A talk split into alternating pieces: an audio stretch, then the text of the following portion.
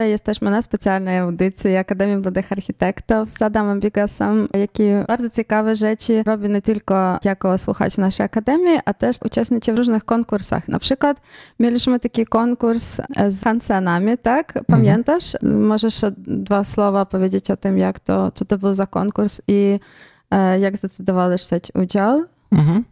Tak, więc celem konkursu było zaprojektowanie osiedla zainspirowanego zabudową z architektów e, Oskara i Zofii Hansenów. Oni projektowali osiedla bardzo takie linearne i też starali się dużo zieleni włożyć do swoich projektów i zdecydowałem się kontynuować to ich dziedzictwo, projektując osiedle, które Czerpie też z tej linearności, ale układa to w regularną siatkę sześciokątów i też daje mnóstwo miejsca dla przestrzeni otwartej, gdzie może być dużo zieleni, ale również inne mniejsze budyneczki mogą stać, dla komunikacji też oczywiście. I to osiedle jest y, też scentralizowane. Na środku stoi budynek, który, w którym mieszczą się usługi i który może obsługiwać całe osiedle zbudowane naokoło.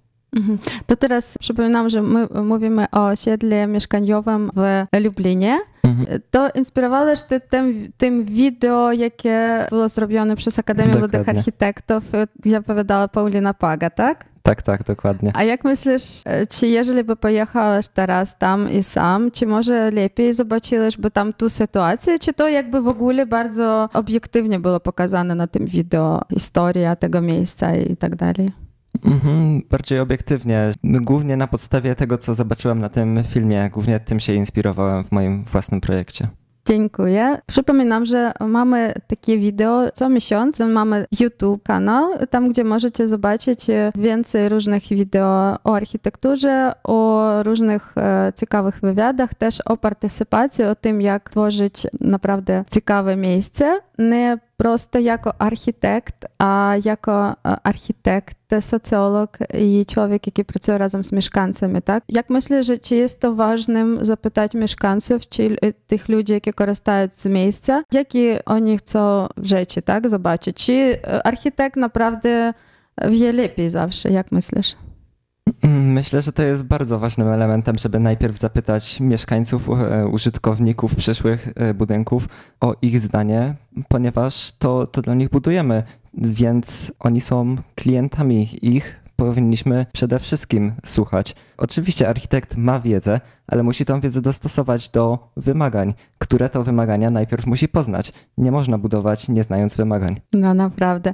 Kiedy robiliśmy projekt ze studentami architektury Politechniki Poltawskiej w Ukrainie, to jakoś tak tylko zaczyna się w Ukrainie, tak bardzo mało takich różnych projektów partycypacyjnych i to oni byli bardzo zdziwieni, że jak to, my możemy pójść i zapytać ludzi, naprawdę, bo ja też pamiętam takie doświadczenie, że kiedy wykładowca mówił, że, że musicie zrobić jakiś tam projekt czegoś tam przestrzeni, tam czy jakiegoś miejsca publicznego, to dla mnie było dziwne, bo wiesz, miała takie zawsze jakieś, że nie wystarczy dla mnie jakieś informacji, nie rozumiem jakiej. Mhm. No i szukaliśmy tu informacji po prostu w takich, z takich e, książkach, czy czytaliśmy jakieś no, takie wywiady, czy jakieś tam, no jakieś takie oficjalne dokumenty, wiesz. I z tego jak złożyliśmy tam jakieś dla siebie jakby rozumienie tego, co musi być, tak? Jeśli nie jesteś architektem, nie jesteś nawet studentem architektury, już tak rozumiesz, jak to wszystko można złożyć, to bardzo ciekawe. No słuchaj, a jaki, jaki w ogóle koncept założyłeś w ten swój projekt, jaki wyszedł z tego filmu o Hansenach? Przede wszystkim dużo zieleni, to był kluczowy punkt. Druga część to każde mieszkanie powinno mieć dostęp do światła. W ten sposób w każdym bloku mieszkania albo wychodzą całkowicie na zewnątrz osiedla i patrzą na, zakładam, że tam będą y, jakieś tereny zielone, albo wchodzi w stronę osiedla, ale też nie patrzy w okno kolejnego sąsiada, tylko wychodzi również na zieleń, która znajduje się pomiędzy budynkami i której jest wystarczająco dużo wolnej przestrzeni, żeby właśnie nie było takiej sytuacji niesamowitego zagęszczenia budynków. Kiedy zobaczysz zieleń za oknem, to to jest takie inspirujące, bo myślisz o tym, że zawsze lepiej zostać w domu. Mm, myślę, że pandemia w pewien sposób na stale na pewno zmieni e, to, jak architektura wygląda. Będzie to oznaczało więcej komfortu. Też również zmienią się, e, zmieni się sposób, w jaki projektujemy mieszkania, ponieważ zacznie się zwracać większą uwagę na to, jak się mieszka dokładnie. Myślę, że to się przełoży na lepszą jakość oraz ogólnie biura e, będą się również zmieniały teraz wiele ludzi się przekonało, że biura nie są elementem koniecznym i mogą być na tym polu bardzo duże zmiany. Nie zawsze to tak e, oczywiste, tak? O Futuwawie. Mhm. Taki ciekawy konkurs, jak będziemy mieszkać w Warszawie w przyszłości. Miasto Dobrze do Życia wymyśla się wciąż na nowo.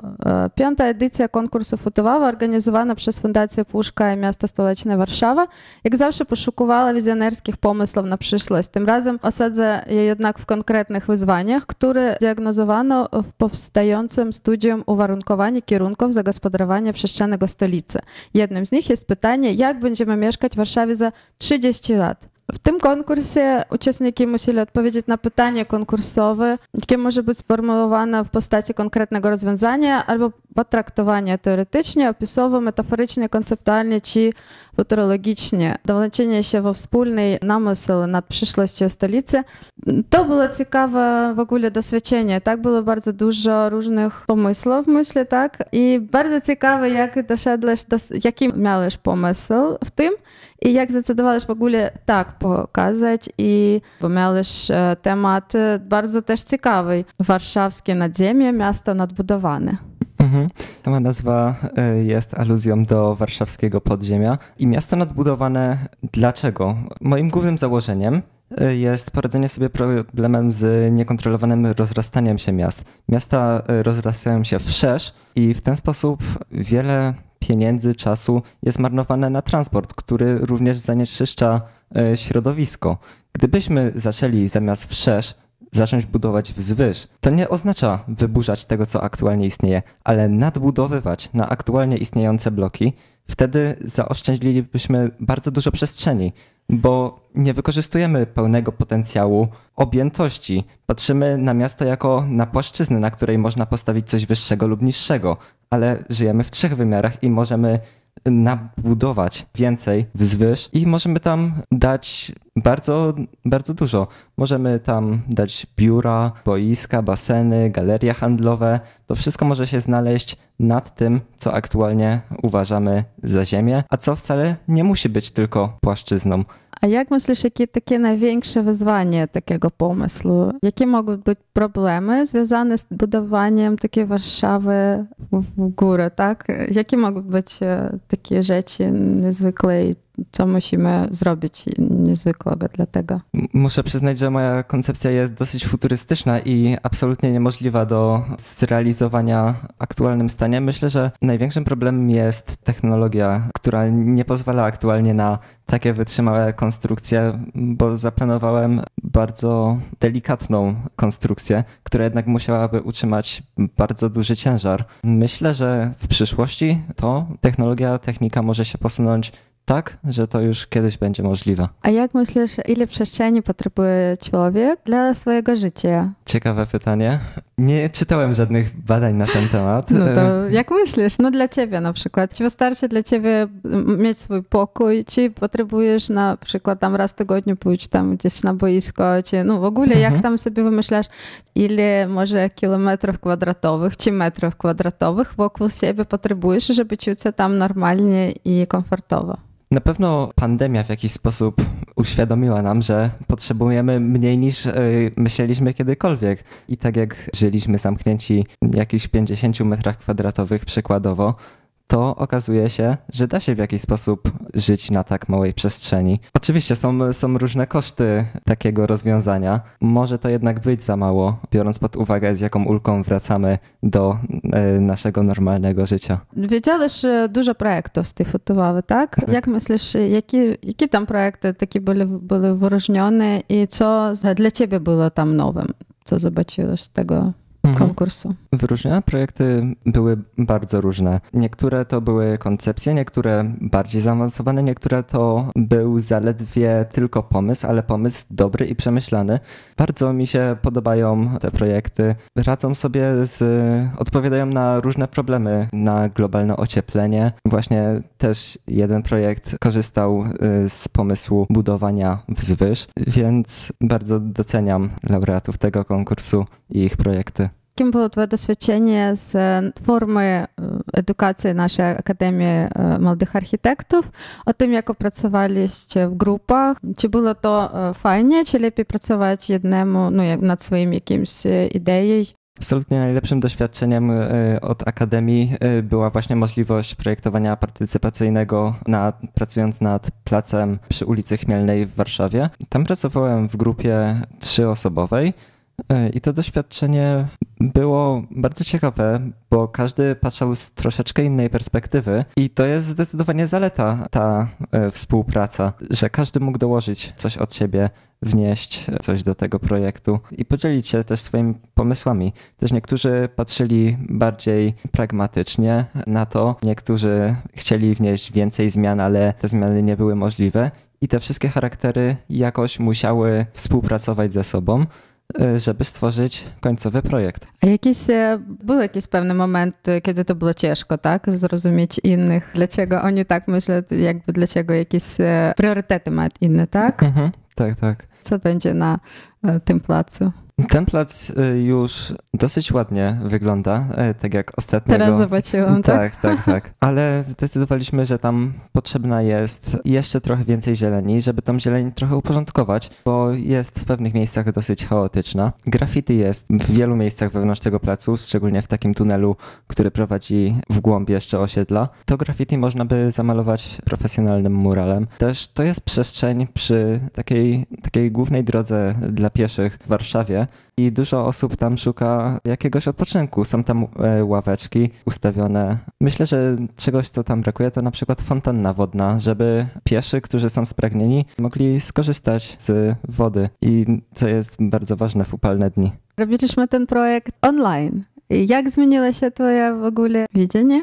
Zobaczyłeś ten, to przestrzeń naprawdę. Czy to tak samo było jak przed tym, kiedy... Tak, to się zgadza, że tylko z materiałów online znałem tą przestrzeń. Nie przypominam sobie, żebym kiedykolwiek tam wcześniej był, ale dzisiaj miałem szansę zobaczyć ją na żywo. Jest to ciekawe doświadczenie, pracować na czymś, zastanawiać się, co można zrobić w jakiejś przestrzeni, najpierw korzystając z materiałów online albo ogólnie jakichś materiałów, a potem dopiero doświadczyć tę przestrzeń. Dużo lepiej zrozumiałem skalę przede wszystkim tej przestrzeni, to jak ona wygląda. Dostrzegłem więcej szczegółów niż można zobaczyć na samych zdjęciach. Polecam właśnie taką pracę.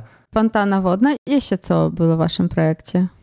Fontanna wodna, uporządkowanie tej zieleni, murale. Oprócz tego doświetlenie to miały być takie żarówki podwieszane na, na linach. Kilka tam jeszcze rzeczy takich drobniejszych, jak wymiana śmietników, ponieważ były takie mało pojemne. Przestrzeń dla śmietników dla mieszkańców z kontenerami dla śmieci jest dosyć dziwnie rozwiązana. Stoi na takim jakby podwyższeniu, które zawiera trochę przestrzeni, która mogłaby służyć albo na parking, albo na więcej zieleni. Z parkingiem tam jest, myślę, że duży problem. Też na przykład stojaki na rowery, takie, które są bardziej efektywne, jeżeli chodzi o liczbę rowerów, która może się zmieścić na danej przestrzeni. To też jest ważne, ponieważ tam dużo właśnie pieszych, rowerzystów przechodzi. Jest tam jeszcze szereg stoisk przy samym wejściu na ten plac. Też te stoiska są zbudowane na jakichś tam namiotach dosyć chaotycznie. Też można by to uporządkować, tworząc pewne ramy, w których w sezonie, kiedy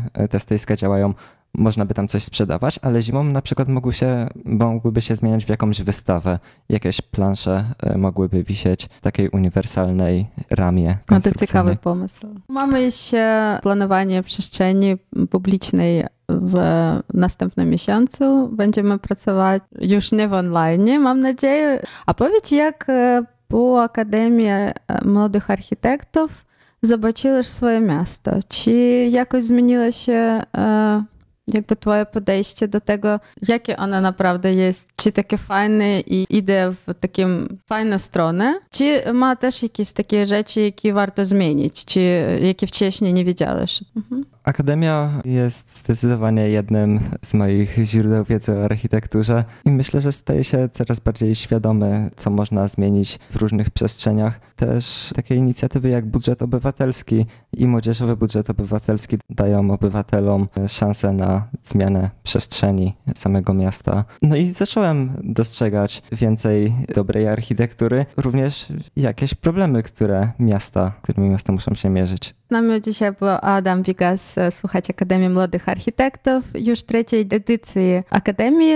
Dziękuję bardzo Adam za dzisiejsze spotkanie. Dziękuję. Wszystkiego również. najlepszego.